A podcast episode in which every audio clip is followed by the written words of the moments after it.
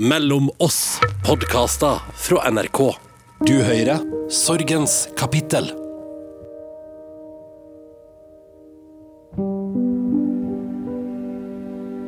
Det er mange som finner trøst i noe åndelig når det verste skjer i livet. At noen du elsker, dør ifra deg. Hos meg var det realismen som på en måte ble min venn. Fordi jeg fant ingen hjelp i en gud eller noe utenomjordisk. Kanskje var det fordi at mannen min, som døde ifra meg, også var sånn. Han brukte alltid å si at død er død, det er ikke noe etter. Og sjøl om det gjorde så utrolig vondt at ord ikke strekte til, over det at jeg ikke kom til å se han igjen, så følte jeg på en måte at det var hans ubevisste svar til meg. Livene våre måtte fortsette uten han. Det var endelig.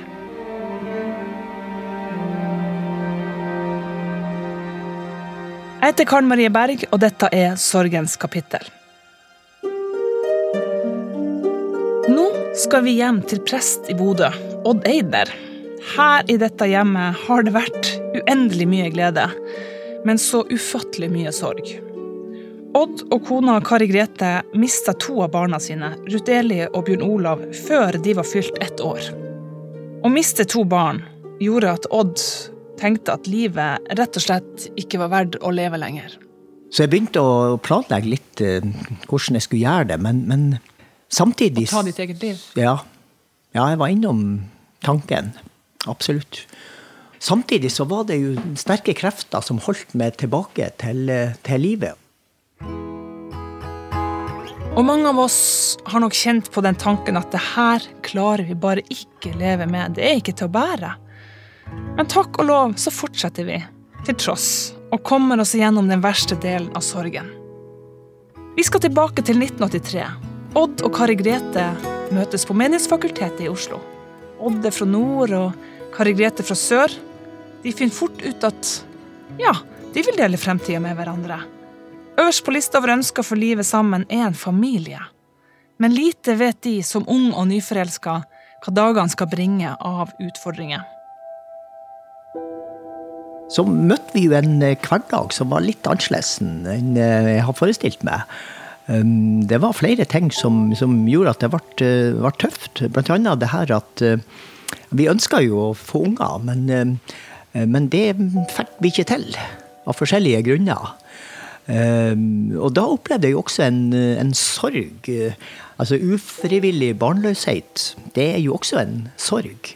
Særlig når man ser at folk rundt oss uh, fikk unger. Og når jeg gikk på, på sånn dåpssamtale uh, uh, til et ungt par som fikk unge nummer fire, og, de sier at ja, altså, han var jo ikke planlagt den her, men OK, vi får nå ta imot han. Da, da, hadde jeg lyst til å si søren òg, altså. Dere skulle bare ha visst hvor heldige dere er. Jeg svei litt, altså, under presteskjorta. Ja, det gjorde det. Eh, jeg sa jo selvfølgelig ikke det, men, eh, men jeg kjente på det. Eh, I dag så, så er det jo mange mm, forskjellige metoder for å, å bli foreldre. Det her er jo 40 år siden, så, nei, 30 år siden. Så da, da, var det jo mest naturmetoden vi brukte. Og vi hadde jo veldig artig, altså. Men det ble lite resultat av det. Men hvordan er det å leve da i uvisshet om Får vi barn, eller får vi, mm. får vi, den familien vi så gjerne vil ha? Nei, Jeg lærte jo noe om at uh, det er ingen men menneskerett å bli foreldre. Å få unger. Uh, og uh, jeg husker jeg traff noen gamlinger. De kaller unger for et gudslån.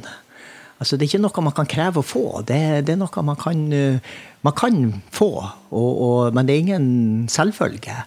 Og det syns jeg var et fint uttrykk.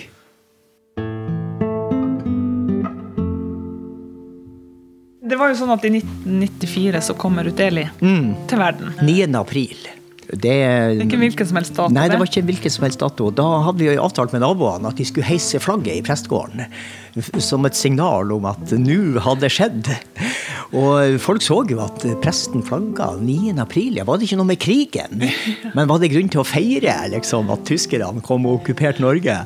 Og samtidig var det en liten eh, sånn symbolmarkering. For den dagen så ble livet vårt okkupert av noe annet. Noe fremmed. Noe som vi ikke hadde kontroll med. For vi oppdaga jo da at, eh, ganske fort at Ruth Eli var født med en hjerneskade. Så det var et alvorlig funksjonshemma barn vi ble foreldre til. Og det ble noe annet enn det vi hadde håpa og, og forberedt oss på. Men hvordan, det, Dere hadde jo gleda dere så til å bli foreldre over så lang tid. Hvordan var det å bli pappa da, på den måten? Det var veldig blanda. Det var stort. Uh, fantastisk flott å ta det første stellet med Ruth Eli og kjenne at jeg er pappa til dette barnet.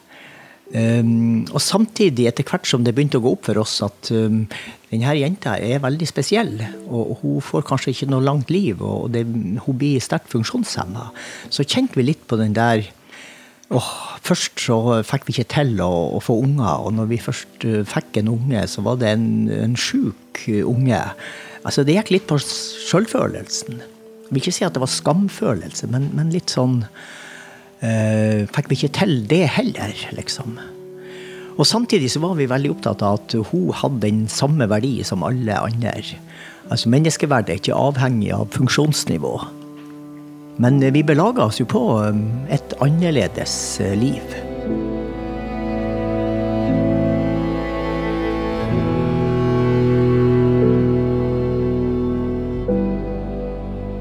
Men vi håpa jo hele tida på at uh, det skulle finnes en medisin eller et behandlingsopplegg som kunne, om ikke gjøre henne frisk, så i hvert fall uh, forlenge livet.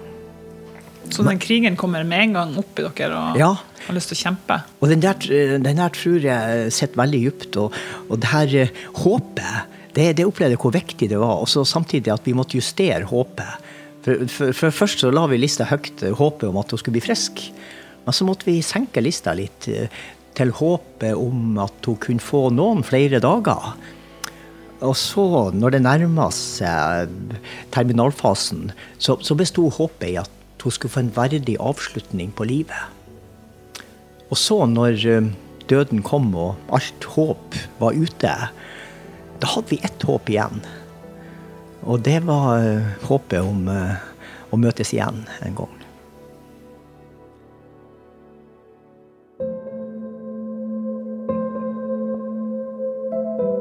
Men hvordan er det å miste et barn eh, på denne måten her? Altså, det er jo forferdelig. Det blir jo helt feil rekkefølge. Eh, og det er derfor det tror jeg noe av det verste man kan oppleve, det er når foreldre mister unger. For det, det, er ikke sånn det skal være. Unger de skal vokse og, og, bli store. Og, og, og, foreldrene skal dø først, og så ungene. Så det blir feil rekkefølge. Det, det, er to sanger som uh, som jeg forbinder med foreldre som mister barn. Eh, det ene er den til Kari Bremnes, som synger 'Du skulle ha vært her'. Og det er en tanke som eh, mange foreldre som har mista barn, har. Eh, de kommer i situasjoner der de blir minnet på om hva de har mista. Hun skulle ha vært her i den bursdagsselskapet, i konfirmasjonen. Og vi har vi har eh, særlig ei god eh, venninne som eh, er like gammel som han, hun Ruth Eli ville ha vært. Så når vi møter henne, så er det veldig fint å se og tenke at, at sånn kunne Ruth Eli ha vært. Hun skulle ha vært her. Og så samtidig kjenner vi på savnet. At å nei, det får ikke vi oppleve. Så det er litt dobbelt.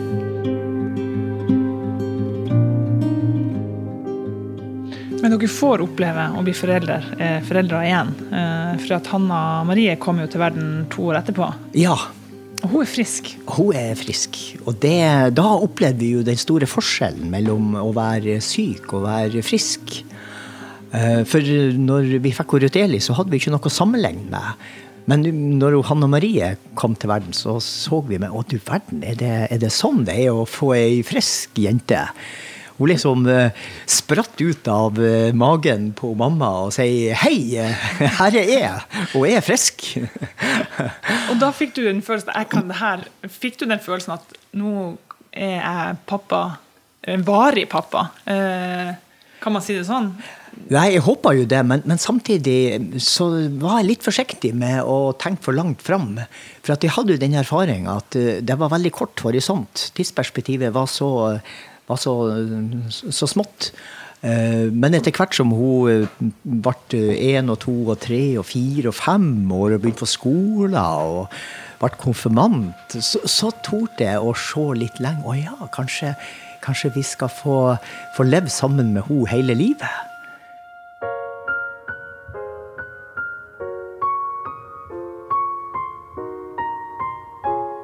Men det er jo den erfaringa at når man først har mista én, så sitter det så djupt i at man er redd for å miste flere.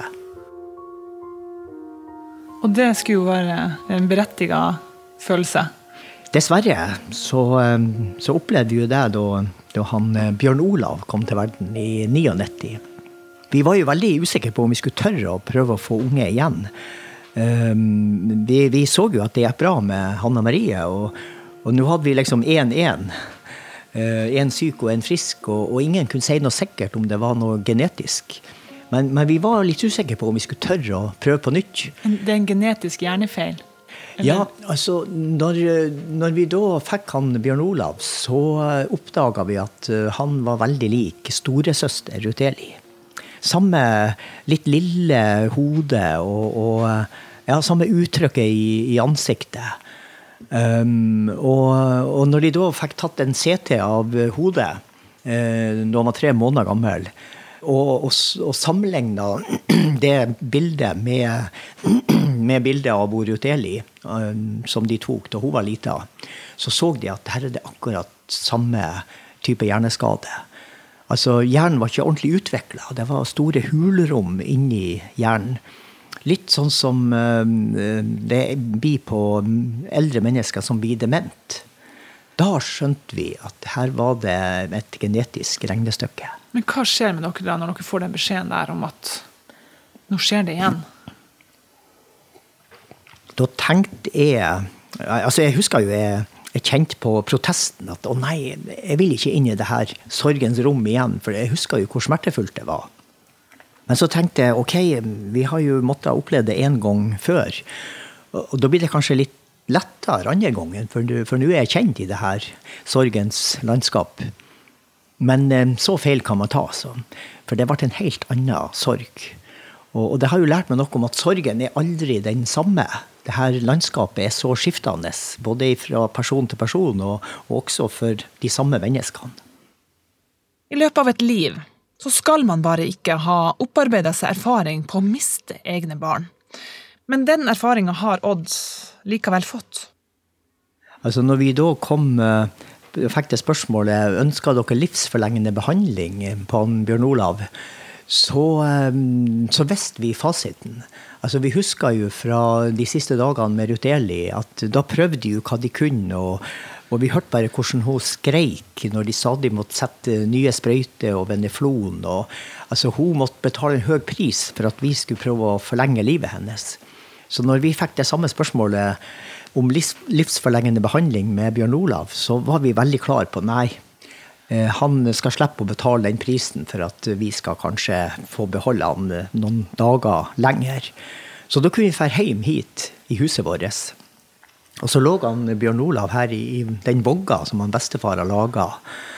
Og det var jo helt sånn surrealistisk. altså. Ikke sant, Ei vogge, det, det, skal jo være en sånn kime til eh, et liv som, og glede. Og, og, så ble stua gjort om til et, eh, et dødens venteværelse. Og samtidig prøvde vi å leve så normalt som mulig. Hanna Marie gikk i barnehage, og, og vi, vi, fikk jo avlastning om natta. Eh, sånn at vi skulle få sove litt og samle krefter. For vi visste jo at det, eh, det kom noen tøffe dager etter også. Ja, Dere hadde jo vært gjennom dette før? Vi har jo det, altså. Og eh, når han Bjørn Olav døde, så, så kan vi godt bruke det uttrykket at han sovna stille inn. Men da, da, kjente jeg veldig på at det her ble en overdose med, med sorg. altså. Uh, å miste to unger, det, det, var dobbelt vondt. Og så hører det jo med til historien at uh, da hadde jeg mista foreldrene mine like før, begge to. Uh, med bare to måneders mellomrom. Så i løpet av noen få år så hadde jeg mista to unger og begge foreldrene. Og, og ja, jeg bruker uttrykket overdose av sorg.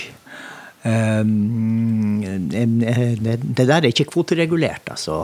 Hvor mye sorg og tap eh, hvert enkelt menneske får.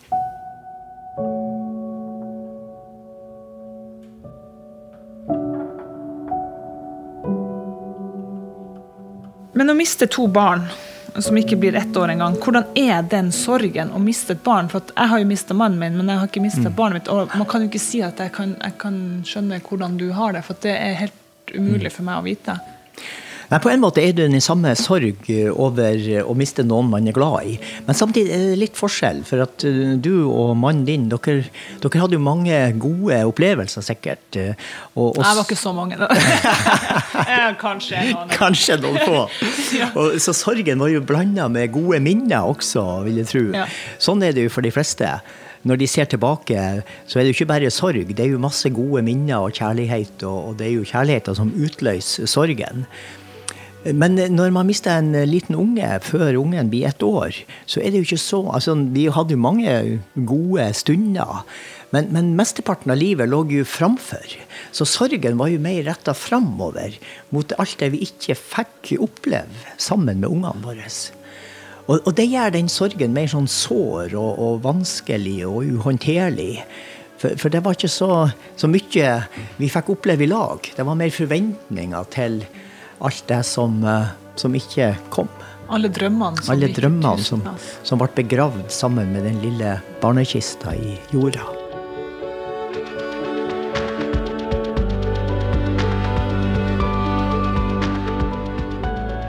Og det er også noe. Ja. Den lille kista der, det, det er Ja. så brutalt å se. Ja, det er utrolig sterkt. Altså. Det, det er det. Ei bitte lille kiste i, i et stort rom, og en pappa eller ei mamma som bærer ut eh, kista og senker den ned i hullet. Altså, da, da kjenner en mor og en far at jeg skulle ha fulgt med. Det, ikke, det, det, det blir feil at jeg står her. Det hadde vært bedre at jeg kunne ha fulgt ungen også inn i døden. Kjente du på den følelsen? Ja, og særlig eh, hun mamma. Hun Kari Grete. Mm. Men samtidig så greide vi jo å tenke at vi, eh, vi trenges her. Det er noen som har bruk for oss, og vi må, vi må stå i det her. Men, men den, eh, den dragninga mot eh, å følge ungene like inn i, i døden, det, det er naturlig.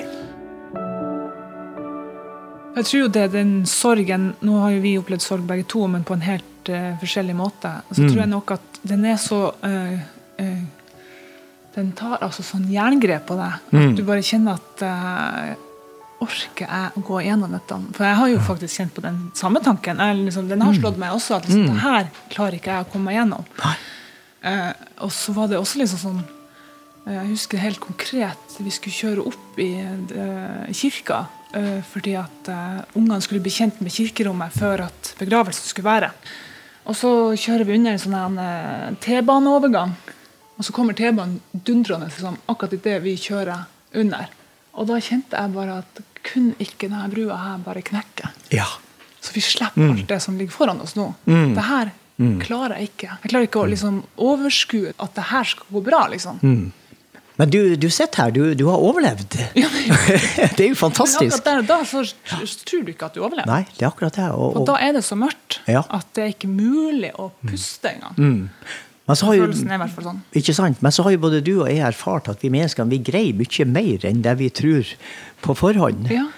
Og hvis de foreldrene eh, til ungdommene som, eh, som mista livet sitt på Utøya, skulle ha visst på forhånd hva de måtte gjennom, så er jeg sikker på at alle tenkte det der Umulig. umulig. Det der greier vi ikke.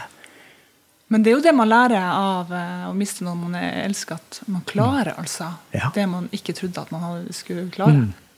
Så man opplever jo at man er sterkere enn man faktisk eh, tror at man er. Ja, og det En ny oppdagelse med, ved seg sjøl. Ikke sant? Det var jo kanskje en oppdagelse man gjerne skulle ha vært foruten, men samtidig så hadde, hadde jeg gitt med noe, ei sånn sterk tro på menneskets eh, iboende vilje til å, til å overleve.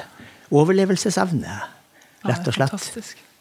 Men hvordan, dere er jo Du hadde jo levd eh, Fått en god tid sammen, du og Kari Grete, før det her skjer. Men hvordan håndterer dere sorgen hver for dere og sammen? Vi menneskene er jo forskjellige, og de forskjellene de blir forsterka i en sorgprosess. Det, det opplever jeg. At, at de egenskapene ved oss som personer, de, de blir forstørra når man sørger. Um, også, Da er man jo seg sjøl nok. Uh, Ja, man blir veldig nærsynt. Ja. Akkurat som han får litt sånn skylapper. For det handler jo om å overleve. Og for at jeg skal overleve, så, så må jeg være litt uh, selvopptatt og egoistisk.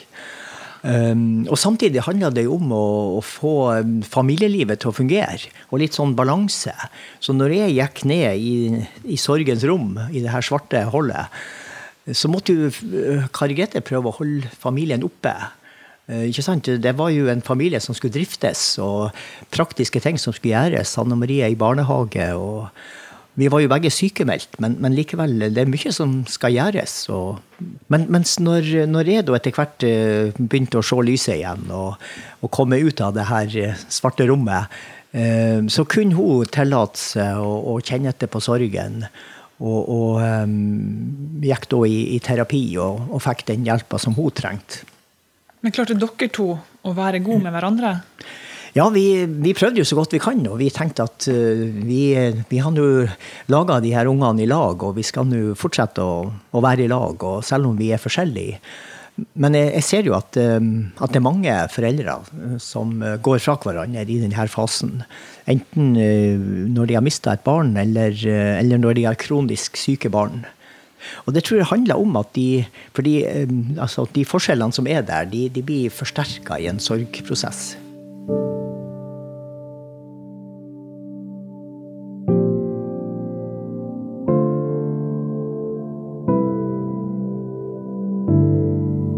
Du er jo prest, og du har jo drevet med sorgarbeid gjennom hele din karriere. Eh, men før sorgen ramma deg og din familie, hva visste du om sorg da? Ja, jeg har jo lest meg litt til det. Altså, vi, eh, I prestestudiet så, så, lærte vi jo litt om det, og hvordan møte mennesker i sorg.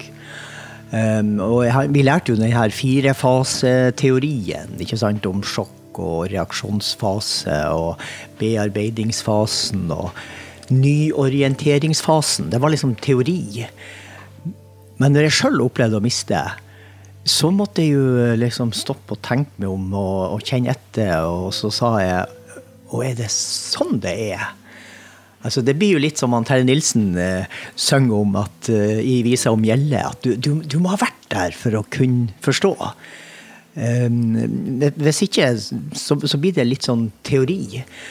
Men, men når jeg sjøl mista, så hadde jo både teorien og så hadde den egne erfaringa. Og det ble på en måte en dobbel kompetanse. For hva skjer med deg etter at både Ruth Eli og Bjørn Olav ikke er her mer? To av tre barn har dødd fra dere. Ja. Nei, da var, følte jeg det akkurat som uh, jeg ble kasta inn i et mørkt rom. Uh, ei fengselscelle.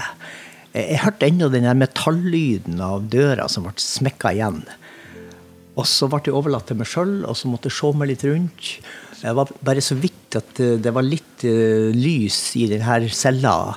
Det var ei seng, og det var et bord, og det var et uh, maleri på veggen. Det var en reproduksjon av Edvard Munchs et bilde 'Skrik'.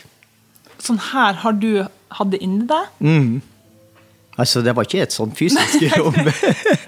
var, men sånn opplevdes det. Men det er så utrolig, for Man sier jo at sorgen er ulikt, men jeg har nesten samme, eh, samme opplevelse av okay. min, starten de første årene på min sorg. Det første ja. året. Ja. For at jeg satt i en strisekk. På bunnen av strisekken. Okay. Og så satt jeg på huk. Ja. Og så ser jeg opp, og oppe der du vet der du knytter igjen, ja. Der var det et lite lysglimt. Ok, ja. Eh, og og jeg tenkte det er umulig å komme seg opp dit og opp ja. i det lyset der. Mm. Spennende, altså. Hvordan vi, ja. vi, har nesten det samme bildet. Det er så rart at man har et akkurat sånn bilde. For det, det er liksom ja. Jeg har ikke sett det i en film, men det bare var der. Ja. Og det var det samme med meg. Og, og felles er jo at vi begge er kasta inn i noe mot vår vilje. Ei fengselscelle eller en potetsekk og knytte igjen. ja. ja. Og hvordan skal vi komme oss ut av det her? Når det blir snakk om hvor mange barn du har, mm. hva sier du da? Jeg liker ikke det spørsmålet. Heldigvis så slipper det ganske ofte her i Bodø, for, folk kjenner meg. det var sånn da jeg kom hit ja. Eh, og skulle ta taxien hit, eh, så sa jeg adressen din. Og så kjørte vi og kjørte og kjørte. Kjørte ti minutter. Og så kommer vi forbi huset her, så sier han Ja, men du skulle jo sagt at det var til presten vi skulle. For det visste han. Det visste. Han Ja, ja, Ja. ja da, og her vet du de fleste min historie. Men, men når Er det er veldig fint, forresten? At folk vet? Ja, da, det er helt greit. Og, og jeg har jo valgt å, å være åpen. Mm. Og, og det, det er vel det samme du har erfart, at åpenhet, det, det lønner seg. Det er veldig behagelig, Ja. rett og slett. Og da, det er også smittsomt. Altså, hvis vi er åpne, så gir det kanskje andre folk frimodighet til å, å, å være åpne også, og se at det ikke er farlig. Det blir ikke misbrukt av andre. Men tvert imot, det, det skaper mer åpenhet. Men når jeg sitter i et sånn hyggelig middagsselskap eh, med folk som jeg ikke kjenner, og så kommer man jo bestandig inn på to spørsmål. Hva jobber du med? Ja. Eh, jo da Du skjønner, det er liksom ikke det første jeg sier. Særlig etter et par Føler dere litt sånn den trøkkende stemninga? At du sier at du er prest, eller hva? Ja, folk begynner å si unnskyld for noen vannskapsord de sa, Ja, Det har jo jeg gjort to ganger. Ja. eller etter et par glass så blir folk veldig sånn religiøse og, og, og har veldig behov for å bekjenne sine synder. Du bruker å si kan ikke du komme tilbake på kontoret i morgen, så tar vi det der. Og det andre det er hvor mange unger har du? Og da, da hender det seg at det drar litt på det, og folk lurer kanskje på jeg vet jo ikke hvor mange unger du har. Jeg har jo erfart at jeg har vært åpen og sagt jo da, jeg har tre unger, men, men, men det er bare ei som lever. Og det er jo en veldig sterk historie. Og det er klart, eh, i et sånn hyggelig middagsselskap så, så skjer det noe med de som hører den. Det minner meg jo om eh, en gang vi nettopp har flytta hit. Eh, Så satt jeg ute på terrassen her og, og sløva litt middagskvil. Og så var eh, Hanna Marie ute i hagen, og, og så fikk hun besøk av ei venninne som akkurat hadde begynt på skolen i lag med henne. Og de var ikke så godt kjent, så jeg hørte at hun venninna spurte har du søsken. Og da var han pappa veldig nysgjerrig på hva hun, Hanne Marie kom til å si. Ja da, sa hun ganske fort. Ja, vi har ei eh, storesøster, men eh, hun er død. Og så har jeg en lillebror, men han er også død. Så ble det stille lenge, og så kom det ifra venninna. «Eh, Kom, skal vi gå og dess?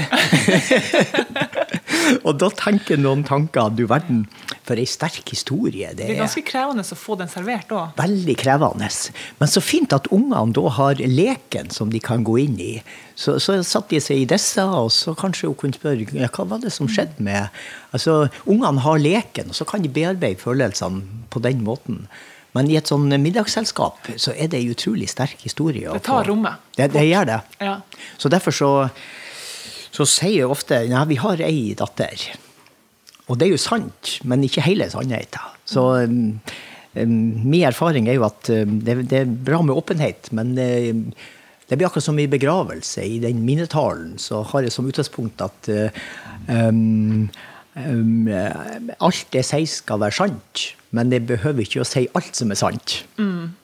Jeg har eh, en sånn spesiell opplevelse. For det er jo ofte jeg også får høre men er du gift, eller har du Mm. en er mannen din her? Mm. Uh, så er det sånn at man så var jeg i et bryllup, og så vi satt rundt et bord, og jeg var den, da, den eneste som ikke hadde med meg min partner. Ja. Og så stiller hun som var min borddame, da, spør liksom Men um, uh, hvor er mannen din, da? Eh, og det her var ett år etterpå, oh. faktisk på dagen. Uh, altså, eller på dagen på begravelsen. Så jeg, vet du hva, han kunne ikke komme i dag, sa jeg. Ja. For da tenkte jeg dette orker ikke jeg å Nei. gå i gang med nå. For det første er jeg altfor frynsete å ta det, og Mm. da blir det å prege resten av denne kvelden. her, Og det orker jeg ikke. Og så møtte jeg henne igjen ett år etterpå, i fjor sommer. Så sier hun sånn Jeg har aldri følt meg så dum i hele mitt liv. Mm. Da mannen hennes hadde sagt til henne etterpå at Hans Christian var jo død. ja. Og da fikk jo jeg veldig dårlig samvittighet. Men jeg, eh, det er så vanskelig å Mm. finne ut av hvordan skal jeg ta det. Skal jeg sette i gang nå med et mm. heidundrende og liksom ta alle oppmerksomhet? For Ja. man får jo da oppmerksomhet ved å Da blir jo det Og så blir det sånn Ja. Det er Forferdelig og alt det der. Ja, det, det, det gjør noe med alle i Ja, ja. rommet. Ja. Men jeg skjønte jo mens jeg sa det, at jeg lyver jo nå til henne. Mm. Men han kunne jo ikke komme. Han kunne ikke komme! Han, var, han, han lå jo en annen plass. han var et annet sted. Så det var jo sant, sånn sett. Definitivt. Helt sant. Jeg løy og sa sannheten på samme, Ja. tid. Så det er noen, noen sånn krumspring man må ta. Liksom. Ja. Men jeg vet jo mange som har mista barn, og som sier at jo, vi, vi, har, vi har tre unger, men to av dem er i himmelen. Ja. Så um, de, vi, vi har det med oss, men vi behøver ikke å fortelle hele sannheten i hver enkelt sammenheng. Nei.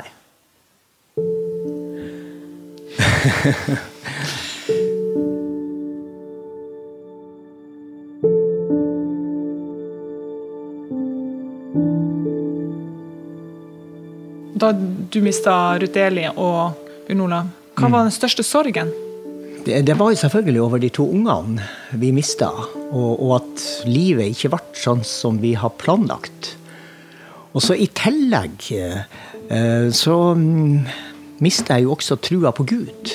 Og det var jo også en viktig del av meg. Og det ble en sånn tilleggssorg som jeg ikke var forberedt på. Jeg satsa jo på en måte hele livet mitt eh, på, eh, på han. Du satte alle hestene dine du, du Satsa alle hestene på, på. En hest, og det var Gud. ja, ja, på en måte. Eh, og når jeg studerte på 70-80-tallet på Menighetsfakultetet, så var det jo veldig mange andre studenter, så det var jo litt sånn kamp om prestestillinger sørpå. Men bare jeg var villig til å reise nordover, så var jeg jo sikra jobb. Så jeg tenkte at den utdannelsen jeg tar nå, det er en kjempesikker måte å skaffe seg et, en jobb på. Og så oppdaga jeg jo da, når jeg mista Bjørn Olav, og når plutselig Gud ble borte, at det å ha livssynet som profesjon og satse på den hesten, det var skummelt. For hvis plutselig selve trosgrunnlaget forsvant, hva, hva, skal jeg, hva skal jeg leve av nå? Altså, jeg oppdaga jo at til og med lønnskontoen min var jo avhengig av at uh, Vår Herre finnes. Det var ikke bare en sånn uh, filosofisk problemstilling, uh, finnes Gud eller ikke, men, men helt konkret så levde jeg av at Gud finnes. For det var jo meningsløst med kirke og prest og sånn, hvis, hvis det bare var bløff eller livsløgn. Hvor lenge hadde du det sånn her? Det hadde jeg ganske lenge, altså. Og, og, først så ble jeg veldig overraska, for at uh, jeg, jeg, tenkte det var, det var, jo ikke sånn. For at uh, da Livet skulle bli. det var ikke sånn Nei. livet skulle bli. For da vi mista Ruth Eli, så opplevde jeg jo at, uh, at det som jeg har preika om for andre, for å trøste dem i deres sorg, det, det funka på meg sjøl. Altså at trua på Gud, den ga meg trøst og styrke. Det var ikke noe sånn fast track for prester som mista datter. Det, jeg måtte gå alle de samme tunge skrittene som andre. Men, men trua på Gud, den ga meg styrke midt oppi sorgen. Men nå plutselig så var Gud borte. Det var akkurat som han har forlatt meg.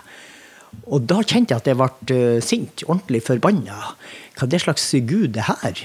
Som, her har jeg lova han evig troskap. Altså, jeg har gitt to løfter. Det ene var til Kari Grete når jeg gifta meg, og det andre var til Vår Herre når jeg ble ordinert.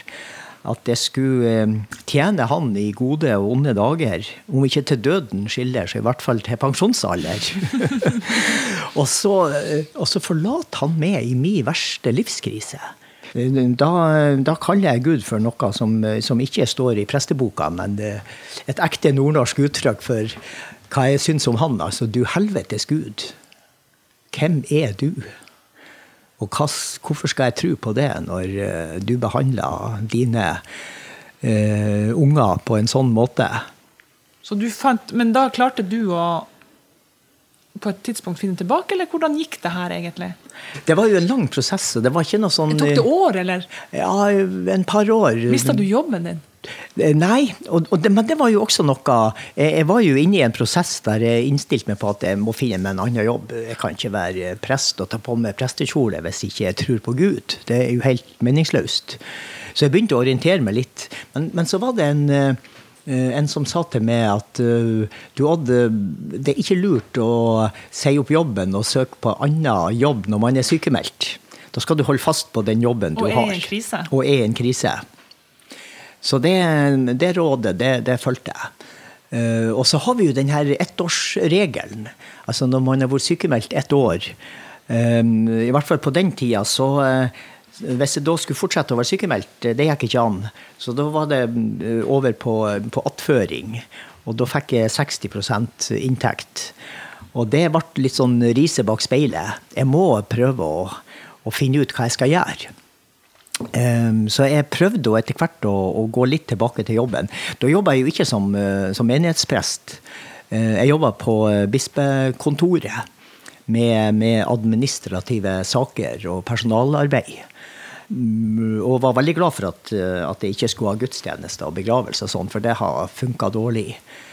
Men, men, likevel, altså, det å jobbe i samarbeid med biskopen, det, det lukta jo kristenmannsblod overalt. Så jeg ble hele tida minnet på om hva jeg har mista, og hva jeg savna, og den sorgen over Gud som ble borte. Eh, men, men jeg, jeg, prøvde meg litt fram, og, og, så fikk jeg jo et spørsmål fra ei veldig god venninne som skulle gifte seg. Og hun har hele tida tenkt at eh, hvis jeg skal gifte meg en dag, så skal jeg spørre han Odd om å være prest. Og da måtte jeg virkelig tenke meg om. Eh, kan jeg, kan jeg ta på meg prestkjolen igjen når jeg, når jeg ikke tror på, på Gud?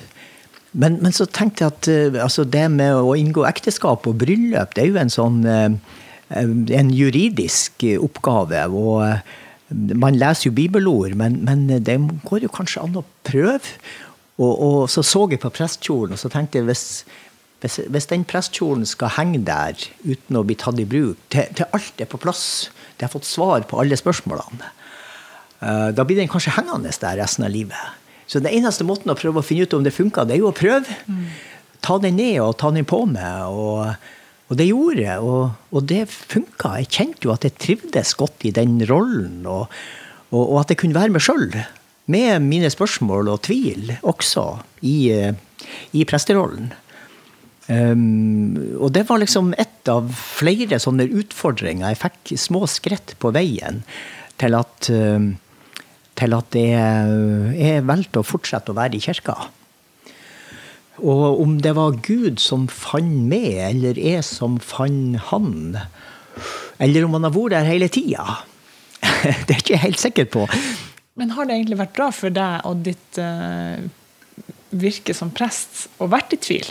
Eller ser du på det som kanskje litt sånn, mm. litt sånn skamfullt opplegg? Ja, Det var jo det som gjorde at jeg var usikker på om, eh, om jeg kunne gå tilbake til, til jobb. Um, for mm, det å ha opplevd å miste trua på Gud, det, ja, det var jo litt skambelagt, altså. Og, og, ehm, jeg satt jo med spørsmålet kan jeg kan jeg fortsette som prest etterpå det her. Og det tok jeg jo opp i samtale med psykoterapeuten som jeg hadde, for jeg gikk i, i terapi. Uh, for jeg skjønte jo etter hvert at det var ikke bare en vanlig sorg, det som jeg opplevde. Eh, og, og, sorg er jo ingen sykdom. Det bruker jeg å understreke til mange. Det er en naturlig reaksjon på et tap. Men det kan bli en sykdom. Og i mitt tilfelle så, så gikk nok eh, sorgen over i en depresjon. Og, og det hjalp han øh, psykiateren med å forstå. At, øh, at det her var en depresjon. Og, og da, da, blir livet veldig mørkt, og, og følelsene veldig flat. Og han eh, var åpen på at han trodde ikke på Gud. Og det var litt nyttig at han så litt utenfra på det her. Når jeg diskuterte med meg sjøl kan jeg gå tilbake til jobben som prest i kirka. Ja, da sier han ja, altså, det vil jo være en fallitterklæring for kirka hvis en person med den erfaringa ikke er velkommen tilbake og snakker om det. Og det var en tanke som jeg ikke hadde tenkt. At det kunne faktisk være en slags kompetanse. Jeg tenker jo det, er jo, det er jo en kvalitet at du også har tvilt litt uh, underveis. Mm. Og mista han og kommet tilbake. Mm. Ja, det er jo altså en, en, svakhet. Det som man opplever som en svakhet, det kan jo bli en styrke. I mange tilfeller. Og, og, det å ha opplevd sorg, det kan jo også være en styrke og en kompetanse i møte med andre.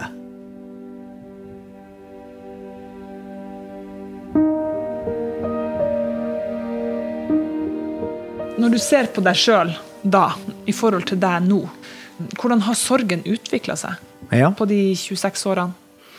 Nei, Jeg har jo erkjent at, at, sorgen er jo en del av, av, livet mitt som jeg må leve med.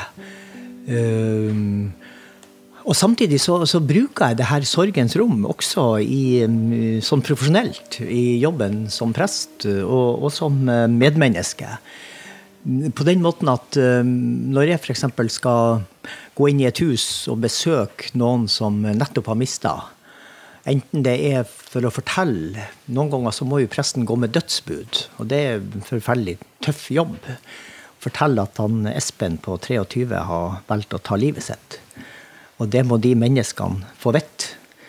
Og da tenker jeg jo at um, um, livet til de her menneskene blir aldri det samme etter at presten har vært på besøk. Men uh, noen må gjøre den jobben, og denne gangen så er det jeg, og da må jeg gjøre det ordentlig. Og da går jeg inn i mitt eget sorgens rom først, og så kjenner jeg litt på hvordan uh, følelsene er der, og stemmer instrumentet på en måte. For det er liksom mitt instrument. Uh, og så um, er jeg veldig bevisst på at nå er jeg på bortebane. Nå går jeg på besøk, og så vet jeg at nå blir det et sorgens rom i det rommet som jeg kommer på besøk. Og så prøver jeg å, å være hos de menneskene så skånsomt som mulig. Fortelle hva som har skjedd. Um, og så er jo vi menneskene utstyrt med to ører og én munn. Og det tror jeg er meningen med at vi kanskje skal bruke de her eh, høreapparatene mer enn eh, kjeften. Og så handler det om å, å, prøve å være hos de menneskene og hjelpe dem til å få i gang en sorgprosess. Så når de, når de er kommet over det første sjokket, at de etter hvert da kan få hjelp til å orientere seg sjøl i det her sorgens landskap. Men da starter jeg alltid med min egen erfaring av tap og sorg, og, og bruker det her uh, bildet med sorgens rom. Eller når, når, jeg går på besøk til andre som har mista for en god stund siden, så, så innbiller jeg meg at nå besøker jeg dem i sorgens rom, og så må jeg høre hvordan, hvordan de har det der. Men når jeg da er ferdig med det besøket, så kan jeg jo lukke igjen eh, døra til det rommet Eh, og eh, mens de kanskje må bo i det rommet i mange uker, måneder, kanskje år. Men jeg kan gå ut av det rommet, lukke igjen døra, så kan jeg gå inn i treningsrommet eller kjærlighetsrommet mitt eller gledens rom. Og, og, og på den måten ikke ta med meg de følelsene fra det rommet. Uh, og, og være et helt menneske. Du bare lukker igjen døra? Bare lukker igjen døra, så, mm. og så åpner jeg ei anna dør og går inn i et annet rom. Som, og til sammen så handler jo alle disse rommene om livet. Og for meg så syns jeg de her kontrastene altså mellom uh, å møte mennesker i dypeste sorg og krise, og, og samtidig kjenne på, på livsgleden, eh, som jeg kan oppleve i, i mange situasjoner, det, det, det, er jo det som gjør livet rikt og, og spennende. Og som gir meg energi. Jeg syns det er like fantastisk hver gang når jeg ser at lyset tennes i øynene. Akkurat som jeg ser lyset i, i øynene dine, Karen Marie. Men for til å begynne med, eh, så er det akkurat som strømmen har gått i huset. Eh, folk bare ser tomt uh, framfor seg. og det, det, er sånn at jeg lurer på er det noen der inne. Og så, på et eller annet tidspunkt, så, så tennes lyset. Og, og, og glimtet i øyet, det er jo lyset i vinduet som forteller at hjertet er hjemme. Og det, det å være med på den prosessen ifra at strømmen har gått og til lyset kommer tilbake, det er fantastisk å få være med på. Og så er det jo helt fantastisk å oppleve sjøl at lyset kommer tilbake. Ikke sant? For Det er veldig vanskelig å forklare når det skjer. Det er bare, det er bare en sånn glidende overgang. på en måte. Ja. Det var ikke noe punkt at du kunne fortelle at nå Nei. Men uh, nå er jeg, jeg er veldig glad i livet. Jeg er mm. ekstremt mm. glad i dette livet. ja. Og jeg er blitt enda mer glad i det etter Hans Christian. Da det ja. uh, virkelig er over å mm. kunne mm. få leve. Og, så jeg virker jo sånn helfrelst konstant. Veldig, veldig mye. Til og med frelst. Det er jo ikke verst. Hel, helfrelst. Det skulle du ikke tro. Men, men, men, det har jo gjort at man har virkelig fått den, den der eh, ekstra dimensjonen på at åh, livet skal leves. Ja. Det livet man har fått, det skal man leve. Liksom. Ja. Og, og, det er jo et sitat som vi ofte bruker av den, den svenske krimforfatteren Per Olof Enquist. Han sier så fint at en dag skal vi alle dø, men alle andre dager skal vi leve. det er akkurat det vi skal.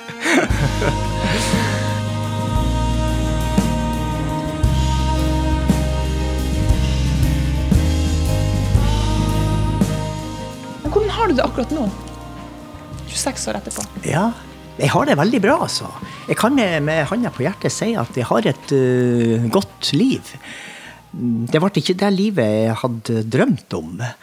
Det var liksom ikke drømmejobben som er plukka fra øverste hylle, det å være litt sånn omreisende i død og sorg. Men det er blitt et veldig meningsfullt øh, og godt liv. Og så, som du sier, jeg er blitt enda mer glad i livet. For jeg ser at det her livet er jo ikke noe selvfølge. Uh, og jeg prøver å ha både et sånn kortsiktig og et langsiktig perspektiv.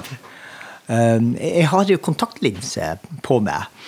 Og, og, med den ene kontaktlinsa så kan jeg se godt på nært hold. Så jeg kan til og med lese helt til sånn skrifttype 10-11. Da sliter jeg litt. Men det andre så ser jeg godt på langt hold. Og så skulle man tro at det her går helt i kryss i computeren, men at det blir fullstendig krasj. Men, men, når jeg da bruker begge øynene, så har jeg både en sånn nærsynt perspektiv, én dag om gangen, og et langsiktig perspektiv. At jeg tør å planlegge for høsten. Og en tur til Paris. En tur til Paris, ja.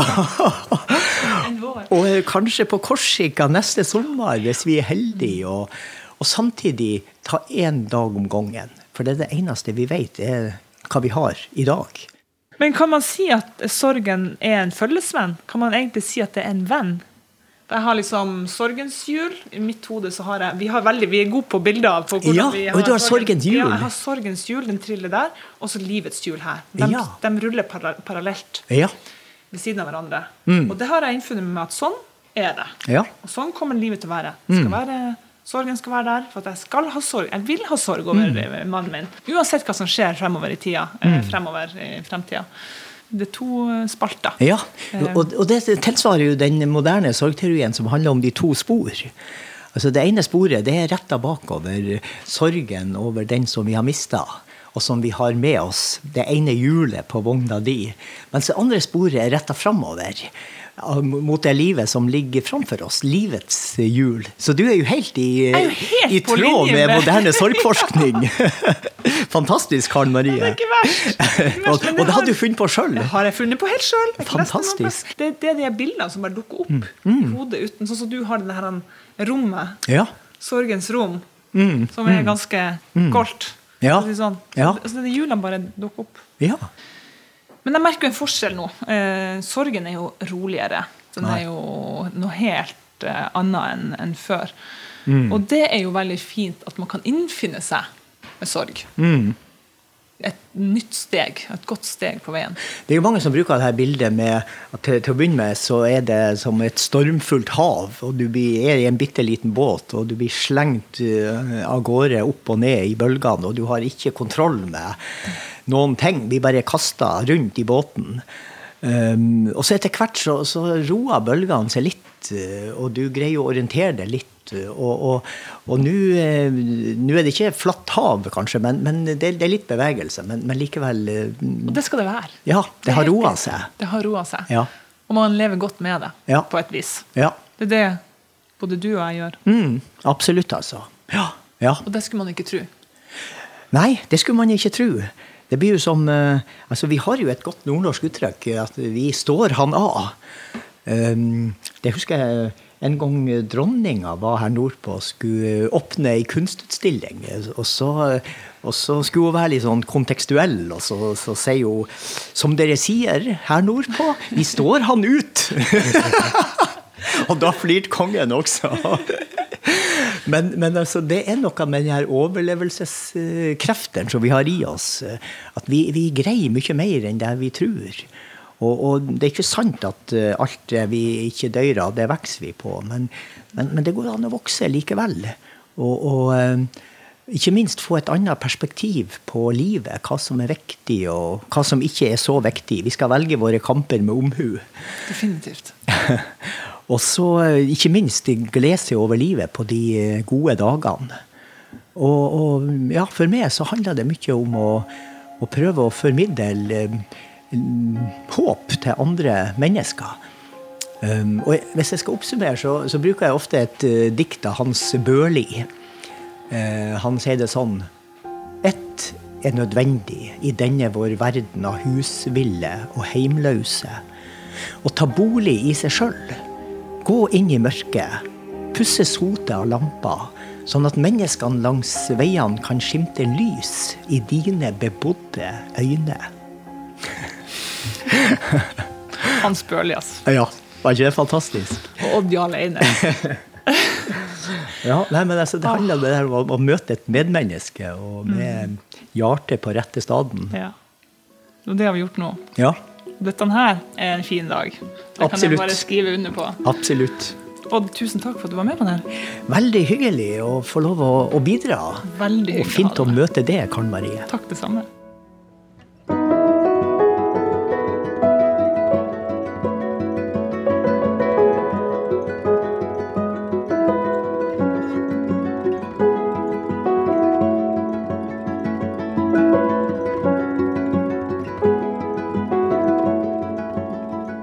Denne episoden er laga av lydtekniker Øystein Halvorsen, Silje Martinsen Vettre og meg, Karen Marie Berg. Prosjektleder er Ragnhild Silkebekken. Og I neste episode møter du Egon Holstad, som mista pappaen sin da han var 18 år og sto på terskelen til voksenlivet. Hør Sorgens kapittel i appen NRK Radio. Du har hørt en podkast fra NRK. De nyeste episodene og alle radiokanalene hører du i appen NRK Radio. Hei, jeg heter Hege Haug Omre. Før jula i 2004 var det svært få som visste hva en tsunami var. Havets farligste bølge.